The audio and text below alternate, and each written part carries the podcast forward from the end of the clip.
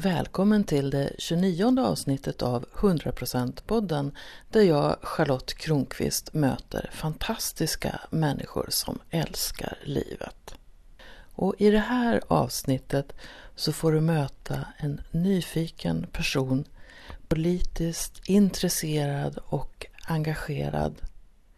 Och han för in ett begrepp som jag inte har hört förut men som jag ändå är välbekant med nämligen småborgerlig fundamentalism.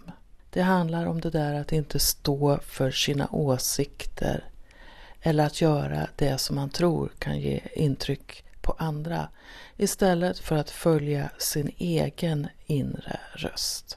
Möt Anders Bergqvist i ett samtal om att våga stå upp för sig själv och det som man känner är rätt och där det är tillåtet att tänka själv och dra egna slutsatser. Vi möttes på ett hotell i Göteborg i slutet av januari. Välkommen till ett uppfriskande avsnitt av 100% podden.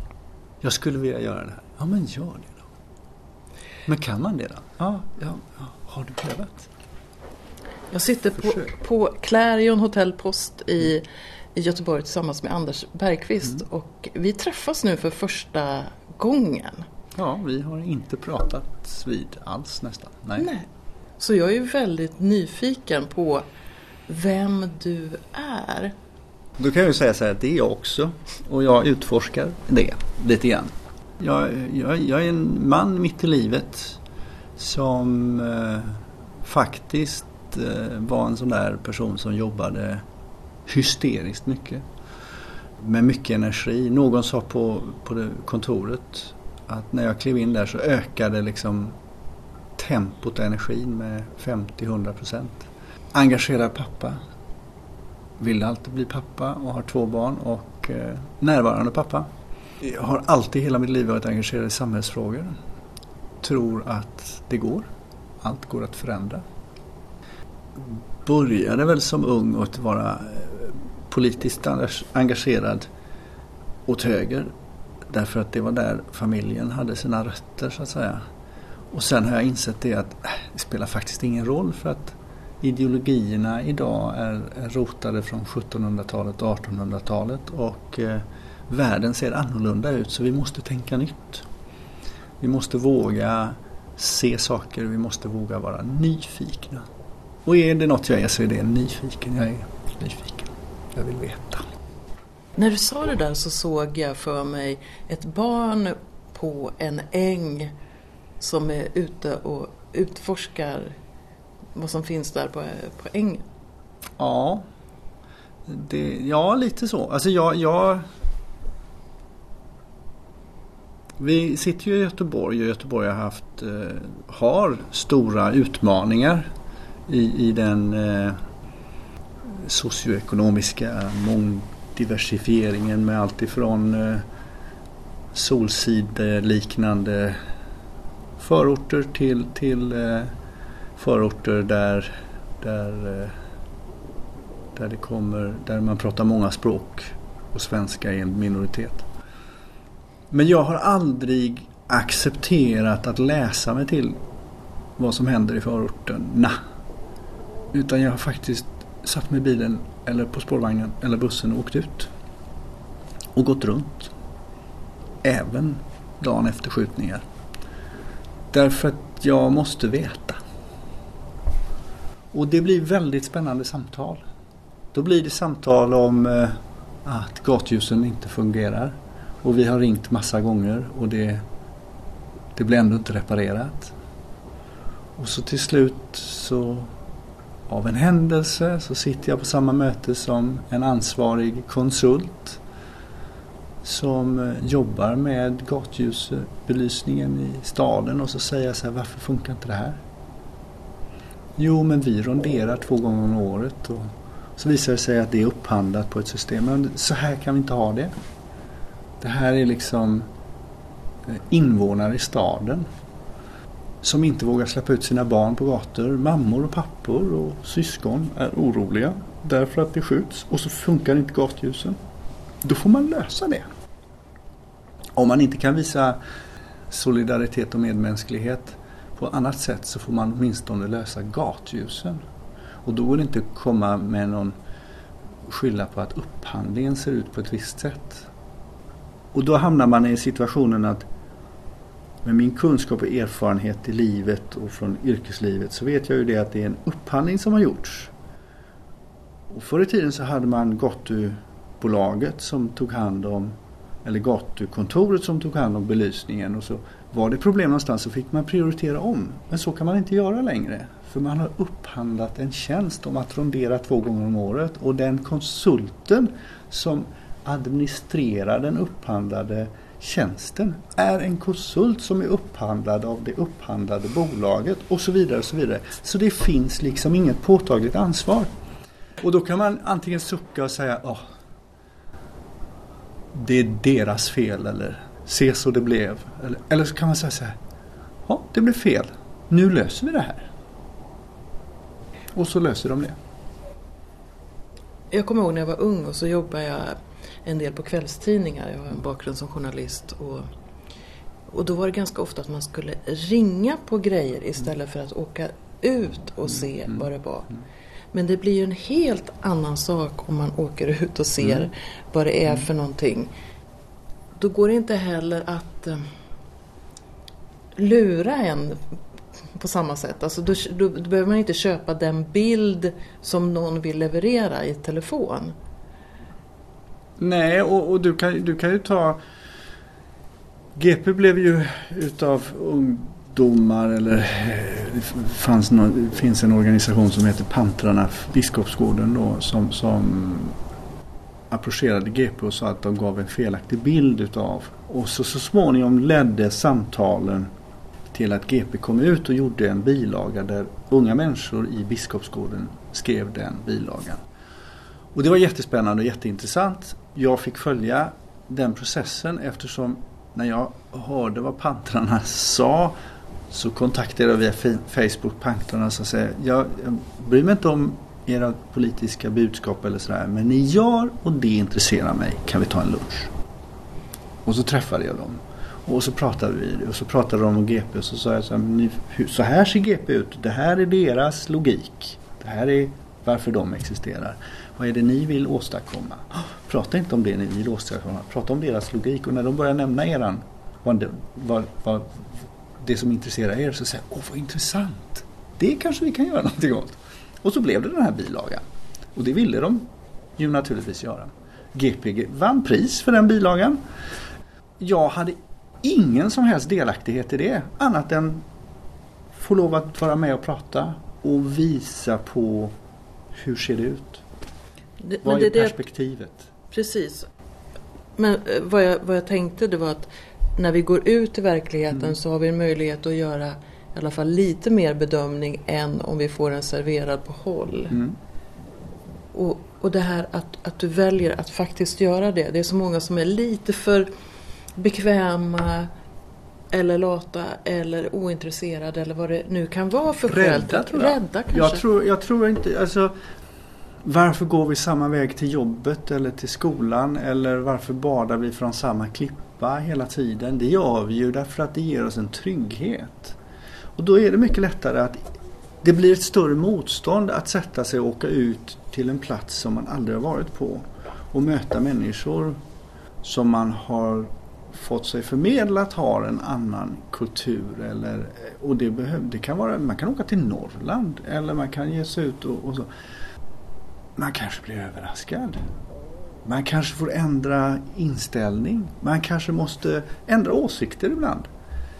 Ja, och då har ju jag lärt mig någonting. Alltså, bara för att jag ändrar ståndpunkt innebär ju inte att jag har blivit indoktrinerad. Utan jag kanske har fått en mer ett större vidgat perspektiv. Sanningen är inte svart eller vit. Och jag, jag, brukar, jag brukar måla upp en bild för folk om sanningen, att den är relativ. Så brukar jag säga så här, nu tar vi och gör en skulptur. En tredimensionell skulptur som vi ställer på torget av bokstaven E, stora bokstaven E. Och så ställer vi en grupp människor rakt framför den här bokstaven E. Sen ställer vi en grupp 90 grader till vänster om den bokstaven skulpturen E. Och så säger vi till dem som står till vänster, beskriv vad är det för bokstav du ser? Och då säger de, det är ett I.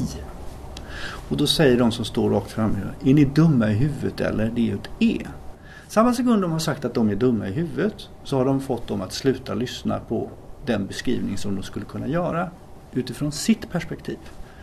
Och det är i den här logiken som vi måste förstå att vi kan alla titta på samma skulptur eller samma skeende eller samma händelse eller samma skattesystem. Men vi gör det från olika perspektiv. Och är vi inte beredda att ta in andras perspektiv så kan vi bara se från vårt eget perspektiv. Och då kanske vi missar att vi kan använda den här skulpturen E som en beskrivning av bokstaven I också. Och det leder inte till, eh, till möten och det leder inte till, till förändring utan det, då blir det ju lätt att det blir en positionering mm. mellan två som säger att men jag har rätt. Mm. Eller ännu värre, du är en idiot. Jag, mm. jag, jag mm. tycker, mm. jag tycker det är värre mm. när man, som jag kallar det, projicerar ut egentligen sina egna tillkortakommanden mm. på någon annan. Sådär. Och tyvärr är det ju så. Alltså var, varför, varför upphör eh, ungas engagemang i politiken? Jo, därför att politikerna sitter ju och talar om för varandra att de... Det räcker att titta på en partiledardebatt inför senaste valet. De skickar ju alla, eh, både, både kroppsliga och, och eh, mimikspel och allting. Det, det, det är liksom en... Det, de gör allt det där som brukar säga Björklund då skyllde att ungdomarna gjorde i skolan för, och det var skälet till att de inte lärde sig något. Hela det registret av attityd uppvisades i, i partiledardebatten. Och så undrar man, vem speglar vem? Sopar vi mattan uppifrån eller nerifrån? Vem ska vägleda? Min son hade jättemånga kompisar hemma. Och jag har alltid haft separerade tidigt. Så att sen de var två och fyra år gamla så har vi i princip levt varannan vecka eller periodvis har det varit annorlunda också. Och son, min son hade med sig kompisar hem. Och så, så kom de här orden som hoppar i mun på unga människor som vill lära sig ett språk. De, man tuggar på dem och ser vad som händer. Och as är ett sånt språk som de flesta tycker är, är asgott eller det är asstort eller så. Och då brukar jag alltid fråga så här, okej, okay, jag vill bara veta, jag förstår, du tycker om det här. Är det en elefant eller en mus? Vad menar du? Ja, alltså vilken storlek på aset är det? Vad då? Ja, men vet du inte vad as betyder? Och så fick man säga, jo, så här. Och så blev det lite roligt. Och sen var det någon som sa en dag, kvinnliga köns benämningen för könsord på ett mindre fint, börjar på F och slutar på A. Och så vederbörande var arg på någon annan som var där. Och så redde jag ut liksom konflikten och så sa jag så här, okej okay, du är arg på X därför att han har gjort si eller så. Och så, så här, okej, okay, bra. Och så tog jag mina händer och så skopade dem och så sa jag så här, vad ska vi göra med den här? Tar du hand om den? Och då fick jag inte ett mottagande utan nej jag vill inte ha den. Nej, då vill jag veta, vad hade den där att göra?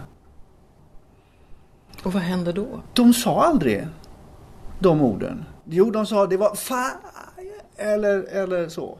Och någon gång så var det någon som sa eh, kuk. Mm. och så sa jag så här, och så kom vi i samma situation och så till slut så här, okej, okay, nu har vi rätt ut det här.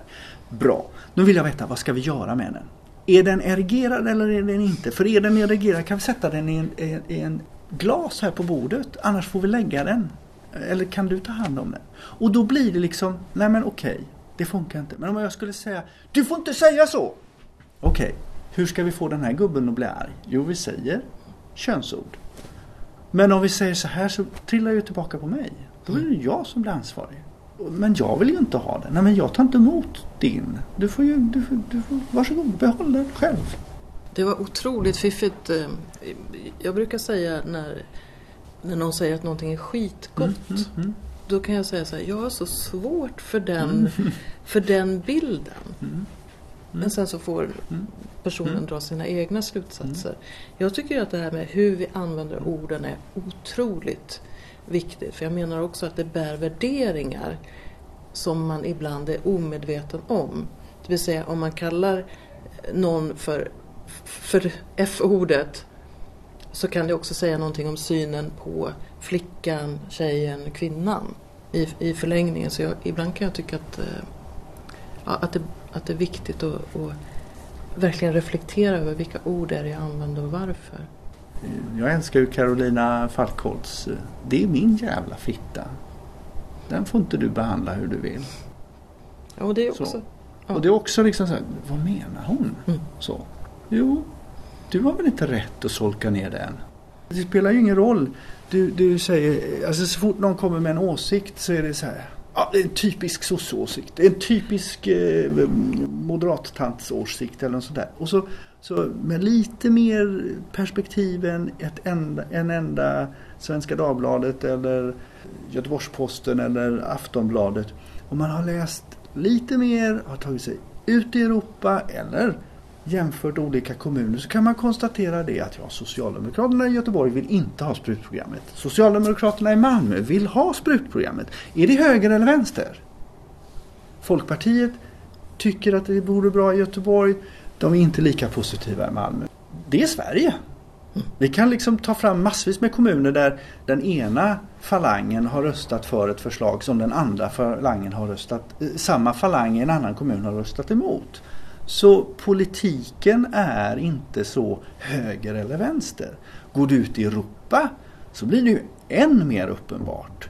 Därför där kan du ju få ytterligheterna att hålla med varandra.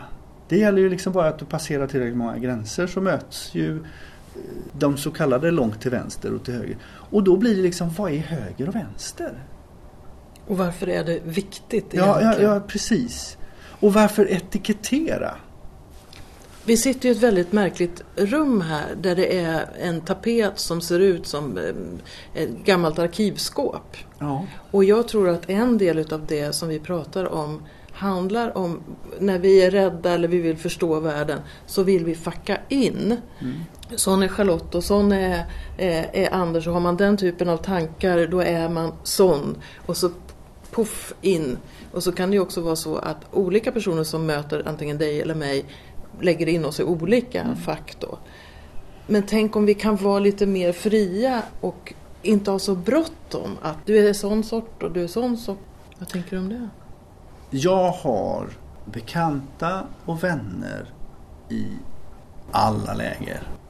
Kanske inte har Sverigedemokrats öppet partianhängare men jag har några som lutar åt det hållet. Som jag, jag, jag är så konfunderad för att det är människor som egentligen inte står för den, den hardcore ideologi som finns där djupt rotad i, i, i, i de partiprogram som finns. Utan som mer, det finns ingen annan som kommer upp med ett med någonting som resonerar med den, alltså resonerar resonansresonerar Mm. med den personens desperation över, över situationens lä, läget. Och, i- och det är ju en avsaknad utav ett ledarskap från, från annat håll. Men alla de här olika personerna som jag har lärt känna oavsett om det är moderater eller folkpartister eller kristdemokrater eller centerpartister eller socialdemokrater eller vänsterpartister. Ingen av dem har ju gett sig in i politiken för att de vill någon annan illa utan de tror ju att deras tankar och ideologier, värdegrunder ska leda framåt till något som är bättre. Sen har vi lite olika människosyn men när man liksom skrapar och kommer ner så brukar det inte vara så stor skillnad. Och 90-95% utav alla beslut som tas i riksdagen supporteras utav både socialdemokrater och moderater oftast eller, eller i någon konstellation från, från båda så kallade sidor i, i blockpolitiken. Jag gjorde det intressanta experimentet att kommentera ett inlägg genom att helt enkelt ta regeringsformens första kapitel, andra paragrafen som är värdegrund, alltså där allas lika värde och sådana här saker och vad, vad det allmänna, det vill säga samhället ska bidra med och se till att det blir. Jag skrev om den paragrafen. Istället för det allmänna skrev jag samhället och så bytte jag ordningen i meningarna och, och ibland delade jag upp meningar. Men jag skrev hela paragrafen så som det var. Jag blev anklagad för att vara stalinist och jag blev anklagad för att vara ultrakonservativ i samma tråd. Och sen dök min son upp och så, så skriver han Haha, kommer du dragande med första kapitlet, andra paragrafen i, i regeringsformen nu igen? Kan, kan du inte låta bli? Då har man etiketterat mig utifrån vad man tror att jag är. Och sen läser man. Och så gör man tolkningar och så blir det fel. Och det enda jag har gjort det är att ta grunden för hela vårt samhälle. Så hur kan man bidra till att människor börjar tänka själva eller reflektera eller inte hela tiden söka konflikt? Det räcker ju att läsa nyheter så ser man ju att det finns en annan drivkraft. Man vill, man vill inte förmedla samtal eller, eller skapa någon slags bildning eller, eller nå något annat resultat. Man vill A. Sälja mer tidningar och, eller mer annonser framförallt numera. Och annonser i dagens medievärld innebär fler klick. Och då gäller det att man spetsar till saker och ting och då, då blir det, alltså det är ju för eh, journalistiken eller för de som är bärare av journalistiken, det vill säga mediaföretagen. Det är på väg att ändras vill jag då eh, understryka. Men, men då, då blir ju sådana här saker som eh, sextrakasserier i Köln och i Stockholm, det blir ju fantastiskt bra för då kan man vinkla det och få massvis med upprörda stämmer och, och, och, få folk att klicka och säga du är dum i huvudet och du fattar ingenting och det är inte kultur och kultur och så vidare. Om man har lite is i magen så kan man sitta där och säga ja men okej. Okay. Ni visar ju precis exakt, alltså ni visar ju precis den logiken som tar sig ett kulturellt uttryck bland män i grupp på det här sättet. Men det är ju samma människor som ojar sig över det lägger in skämt som är rent sexistiska och, och grabbigt tycker att man ska flabba med. Och när man kommer med en kommentar då så säger man så här, men lite roligt får det väl vara. Mm, men ursäkta mig, nej, de tog inte kvinnorna på rumpan.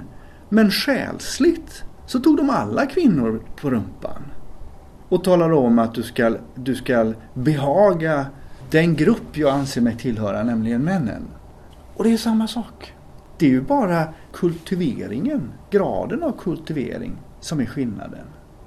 Jag är med och vill vända den här eh, atlantångaren. Mm.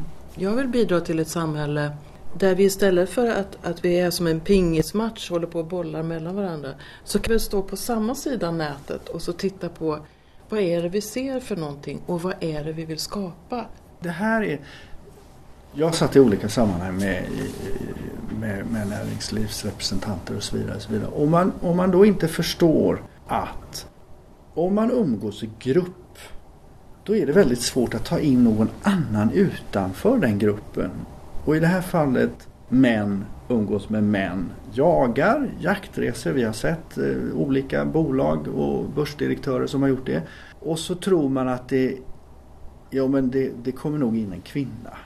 Och så har man massa, det är väl bättre att det sker frivilligt. Nej men lagstiftning och politik handlar inte om att alla ska tänka lika. Utan det handlar om att någon, vi ska ha en vilja att gå någonstans mot ett jämlikt. Och strävan i vårt land bör vara våran grundlags första kapitel, andra paragraf. Och då får man varje gång man fattar ett beslut ställa sig frågan Uppfyller vi det här? Är det det här vi går emot? Och då konstaterar man ganska snart att det, det gör vi ju inte. Nej okej, är det, är det strukturen som gör att vi går fel? Eller är det referensramarna som gör att vi går fel? Ja, sitter alla i, i valkommittén och är män så är det nog referensramarna som är fel. Är det strukturen som är fel? Ja, då kanske det beror på att vi har satt upp de kriterier för att du ska väljas på ett sådant sätt att då kan ju ta brandmän till exempel. Ja men det går ju inte. Det, man måste ju ha styrka och försöka dra ut den där. Har du funderat på som brandman om ert sätt att lösa problemen har lösts på grund av att ni haft muskler istället för att ni har behövt tänka kreativt. Jag satt i styrelsen för ett bolag som sysslade med brandsläckning. Och de gjorde kanoner och de var liksom gjutna i mässing. Så var det någon som kom på att vi kan göra en jättelätt kanon som har precis samma prestanda. Skjuter iväg vatten och skum lika långt. Men vi gör den lätt så man kan ta den i en hand och springa iväg och sätta ner den. gick ju inte att sälja. Framförallt inte i USA. För den var ju inte macho. Och det är det här vi måste förstå att det är, all, det är kultur. Det är tradition. Det är hur vi ser på saker och ting. Precis på samma sätt som när jag blev pappa och vi gick till eh, eller BVC så var det ju inte mig de pratade med. Utan det var ju mamma. När min dotter skulle göra en, ta bort ett födelsemärke med laser och hon skulle sövas så var det ju mamma som förväntades vara den som höll och, och, och lugnade ner och sådär. Men nu råkade det vara så att jag var bättre på det. Just där och då. Man ser inte människan. Utan man ser sin förutfattade mening. Poliser gör det i sitt möte med, med människor ute på stan. Läkare gör det i sina möten med, med patienter. Lärare gör det i mötet med elever. Elever gör det i mötet med män gör det i förhållande till kvinnor och vice versa. Vi måste våga rucka på det här. Och vad, vad är ditt bidrag? Det här? Mm till exempel. Att sätta igång och, och framförallt att återberätta de här berättelserna.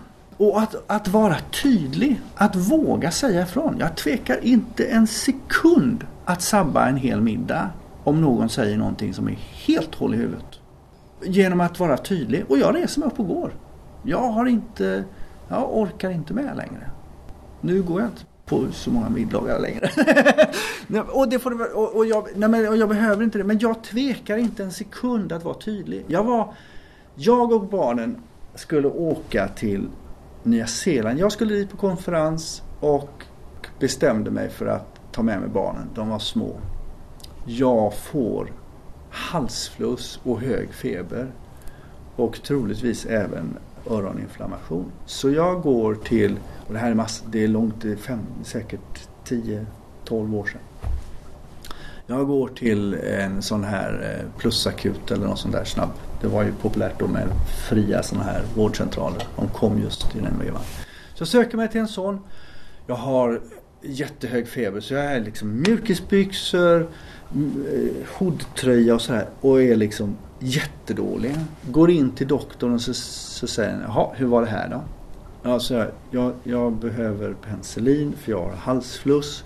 Och, och, och, det kan vi säkert lösa. Men sen måste jag ha ett intyg för jag, jag kan inte åka till, till Nya Zeeland. Så jag måste ha ett intyg på att jag är sjuk. Så jag kan ställa in resan. För jag ska, skulle egentligen åkt dit med mina två. Ja, vi får väl se ifall du är sjuk, sa han. Och så blev jag alldeles mörk och sa ursäkta. Ja, det, det vet väl inte jag om du är sjuk? Nej, det förstår jag. Så vi får nog ta febern på dig och, och, och så, så, så, så. Påstår att jag ljuger? Jag kommer in till dig och säger att jag har, har hög 39 graders feber. Påstår att jag ljuger? Ja, det kan väl inte jag veta, så här. Nej, men du insinuerar om att jag inte är sjuk. Ja, ja, vi får väl se. Och jag, så här lugn var jag inte kan jag säga. Så gick jag ut och så tog de sänka och så tog de ett sånt svalgprov och så tog de febern och jag hade 39 och 8. Och eh, hon hann inte stoppa ner den i, i den här eh, svabben i, i vätskan innan den skrek att jag hade halsfluss. Mm. Så. Och så kom jag in till doktorn. Och så var han lite ödmjukare men inte jätteödmjuk. Ja, och så skulle han skriva intyget och då skulle han få sin dator och skrivaren att fungera. Och så hade han problem med det. Så säger jag så här, jag förstår, eh, ta det lugnt. Det hjälper inte. Jag vet hur det är när man ska skriva ut saker och ting snabbt. Och säga, Jaha, säger han, vad jobbar du med? Jag är advokat. Jaha, är du advokat? säger han. Och så kallar han in sekreteraren och så säger han till mig, då kan du diktera ditt läkarintyg själv.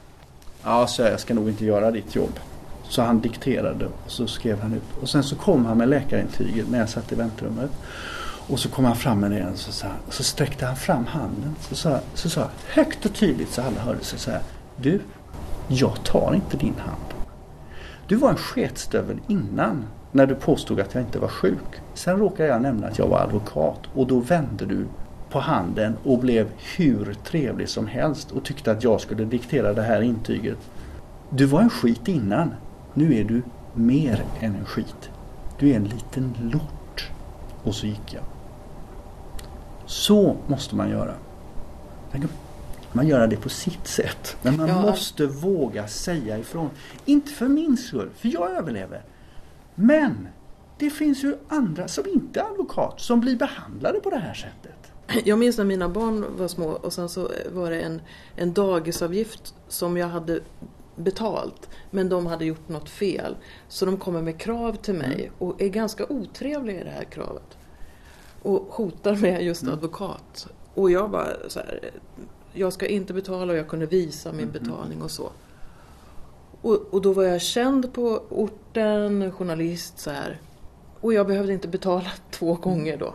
Men jag kunde se för mig hur någon som inte har samma ordning på papper och när överheten kommer och, och trycker ner som, som slår liksom på, på, den som redan ligger. Så jag har ofta i mitt liv känt så här att nej men jag, jag får ta strid för saker ibland så att det blir lättare för någon som inte har så lätt själv att ta den här striden, speciellt när det gäller maktmissbruk. Jo men alltså du, du, du, du kan ju ta små enkla förutfattade meningar. Det kommer in en vikarie i ett klassrum och så sitter någon kille, andra generations, eller jag brukar säga första generations svensk, mm. född här. Och klassens ljus. Men han är inte blond och blåögd. Och omedelbart så drar, eh, när han pockar på uppmärksamhet så, så säger vikarien sitt ner och var tyst. Därför att det finns en förutfattad mening och vi måste våga släppa på de förutfattade meningarna. Det finns en underbar film som är säkert är tio år som heter Crash som handlar om, om olika människor som möts i Los Angeles och det är en bilolycka och hur det handlar om rasism, det handlar om förutfattade meningar men det visar väldigt tydligt på att även den som vill mest trillar dit. Därför att vi är så rädda. Det som många är rädd för det är att känna skam. Mm. Och, och då så här, men vad ska Anders tänka mm. eller vad ska Rudolf tänka eller vad ska Maggan tänka? Så istället för att visa upp den vi är eller, eller säga nej eller ja för den delen, så gömmer vi oss bakom någonting och kanske säger någonting annat bara för att... Vet du vad jag kallar det? Nej. Småborgerlig fundamentalism. Småborgerlig fundamentalism. Det är som det här som jag bara hatar. Jag sitter med på ett möte. Jag tar bladet från munnen. Jag säger som det är. Alla är tysta. Mm. Och så kommer jag, går jag ut Charlotte, gud vad bra. Ja, men vad stöd mig när jag är här i rummet då. Men, men och småborgerlig fundamentalism handlar, det finns lika många socialdemokrater som moderater som, som vänsterpartier som, som är småborgerligt fundamentalister. Och det finns lika många som inte är det i, i de här olika schatteringarna. Eller som, som känner sig hemma i olika politiska grupper. Men det här med att jag köper bil inte utifrån vad jag vill utan utifrån vad jag tror att grannen förväntar sig att jag ska göra. Skit i det. Och jag tänker inte skämmas för någon annan. Om min pappa har gjort något tokigt eller om min son gör något tokigt så kan väl inte jag ta ansvar för det. Då får väl han skämmas. Om, han, om min son skulle ta på sig inte passande kläder, ja men det är väl hans sak. Han är en egen person, han får väl stå för det.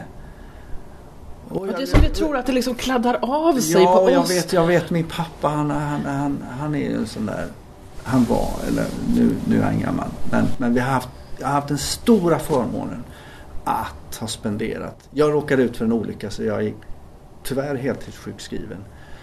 Och jag blir jättetrött så. Eh, så det här är vad jag gör idag. Och igår så gjorde jag lite annat också och då blev jag ännu tröttare. Men, men, så jag har tillbringat mycket tid med min, min far och samtalat för första gången i livet. För vi har aldrig pratat tidigare. Och vi har haft långa samtal där han till slut börjar förstå. Och som jag sagt till honom så här att alltså, jag blir jätteförvånad men, men du säger att du kommer ofta så, så är det eller det ska vara på det här sättet. Och då får du frågor av mig. Och när, du, när jag märkte redan tidigt att du, det här var någonting, du hade köpt ett koncept. Så här skulle det vara. Du hade aldrig ställt frågan om varför. Och det, ibland fanns det ett bra svar på frågan varför. Och det var lämpligt att det var på det sättet. Men eftersom du aldrig hade gjort det där så kunde du aldrig få min respekt. Därför att då var jag tvungen att utforska. Och då kunde jag många gånger, även om jag tyckte precis som du, så kunde jag ifrågasätta dig för att se om du åtminstone hade tänkt.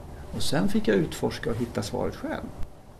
Enkla saker. Jag kom någon gång för att hämta en nyckel och de var hos, på middag hos goda vänner. Och så, och så ja, nu kommer juristen, nu får vi fråga här. Du, vi sitter och pratar. Det är någon här som har satt, satt fiskekrokar, du vet i en sån här värmesits som man har i bilen. För att eh, biltjuvarna kommer och, och, och stjäl bilarna. Och, och, och så satt han fast och så blev de anklagade för att de hade misshandel. Och det är ungefär som att slinta för att du inte har sandat eller något sånt där. Det är väl tokigt att lagen ska vara så. Det är ju tjuven som ska åka dit. Det är lustigt. Här sitter ni generation född slutet på 20-talet och 30-talet. För världskrigsgenerationen. Och ni refererar hela tiden till de kristna värderingarna och så, så, vidare. och så vidare. Tyvärr är det ytterst få av er som har läst Bibeln. Särskilt inte Nya Testamentet. Och ni har liksom inte förstått det här med att vända andra sidan kinden till. Och ni har inte förstått att öga för öga, tand på tand är inte en minimiregel utan det är en maximiregel. Du får inte gå längre än så, innebär den regeln. Inte att du ska minst göra så. Det innebär att du får inte gå längre. Om någon stjäl en bil. Tänk om det är någon som tar bilen därför att det är en akut situation. Vem ska ta ansvar? Vem har haft uppsåt? Det har ju funnits ett uppsåt att skada en person. Vad vet ni om skälet till att vederbörande behöver den här bilen? Varför finns det i lagen en regel om till, att, att det inte är stöld utan man har liksom anskaffning av fortskaffningsmedel? Alltså, alltså det finns nivåer. Det finns någon som har tänkt.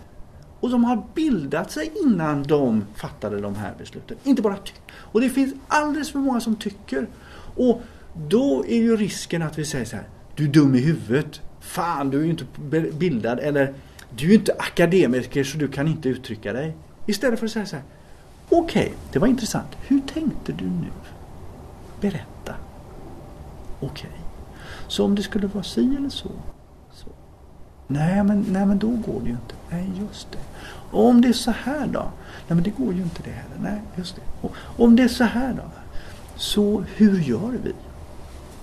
Ja, det blev ju inte lätt det här. Nej, vem sa att det var lätt? Jag har varit med om ganska mycket i livet också att det är någon som pr prata skit om någon annan mm. på något sätt. Eller skit om en företeelse. Vi var några stycken och så, och så var det en kvinna som plötsligt började säga att programmet Let's Dance, det var ju väldigt dåligt. Och jag hade inte sett det själv men så frågade jag henne så här, har du sett det? Nej, men det är ju förnedrings-tv. Men hur kan du veta det om du inte har sett det? Och så var det någon annan där som sa, jag ser det varje vecka och jag mm, älskar det. Mm, mm. Och då fick ju hon en möjlighet till, till, till reflektion själv då kring det där. Men det, det är som att det är vissa saker som, som man ska tycka i vissa kretsar. Man ska tycka illa om någonting eller man ska ha den här ståndpunkten. Och så slutar man tänka. Ja men det blir ju populism. Det är ju enkelt. Och då blir det småborgerlig fundamentalism. Jag funderar på vad andra tycker. Och så anpassar jag mig till det istället för att tänka själv. Och det roligaste av allt. Kristna fundamentalister eller, eller så tycker jag är ännu roligare att prata med. Därför att vad var det Jesus sa? Du har fått en hjärna, använd den. Det var hans argument mot prästerna när han botade en kvinna på sabbaten. Vi har fått en hjärna. Om det nu finns en Gud så skapade han liv. Ska vi på grund av att vi tror att vi hedrar den så kallade guden och jag är ju då inte kristen eller tror på en gud på det sättet. Ska vi då hedra honom genom att inte rädda liv? Nej. Tänk, du har fått en hjärna. Använd den. Om vi tänker oss att någon som lyssnar på det här känner så här, ja men jag är nog en sån där småborgerlig fundamentalist. Vad skulle kunna vara ett första litet steg ifrån det? Gå ut och köp någonting som du vill ha istället för vad du tror att grannen vill ha. Köp en bil som är röd istället för att köpa en grå eller köpa en rostfärgad. Eller köp en annan bil. Våga vara den som går ut på stigen först. Våga sätta en trend. Och om någon säger någonting så skratta bara. Du har tillräckligt många vänner. Strunta i de som säger dumheter. Häng med de som är trevliga istället. Du behöver inte fundera på vad han tycker om dig. Det är okej okay om vi vågar ta det här positiva steget och vågar ge lite mer än vad vi kräver. Då kommer ingen kräva av oss den dagen vi säger jag behöver hjälp. Men det är jättesvårt att be om hjälp. För jag är skitdålig på själv. Vi får träna lite på att be om hjälp. Nu så har vi pratat färdigt i 100%-podden men mm. vi kommer nog att prata lite mer när det här hör. Tack. Jag ska hem och vila. Ja, hur mår den småborgerliga fundamentalisten i dig just nu? Händer det att du har sådana där stråk i ditt liv? Och när finns det någonting som hindrar dig från att stå upp för din åsikt, för dina värderingar och för din sanning? Det tycker jag att det är värt att reflektera över. Så du kanske ska sätta dig ner och meditera över en stund hur du förhåller dig till dig själv och till din omgivning. Jag är så tacksam för att Anders Bergqvist öppnar för den här typen av reflektioner. 100% podden drivs av mig, Charlotte Kronqvist. Och jag är jätteglad om du är med och sprider podden och berättar den för fler. Och själv har jag fler projekt på gång. Alldeles i dagarna så lanserar jag nätkurser.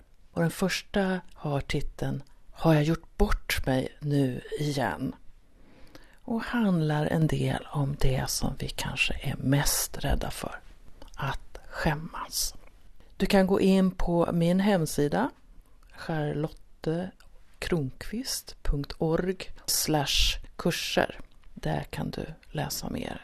Och du, stanna upp ett ögonblick. Lägg en hand på ditt hjärta, blunda och ta ett andetag och bara känn att du är okej okay, precis som du är.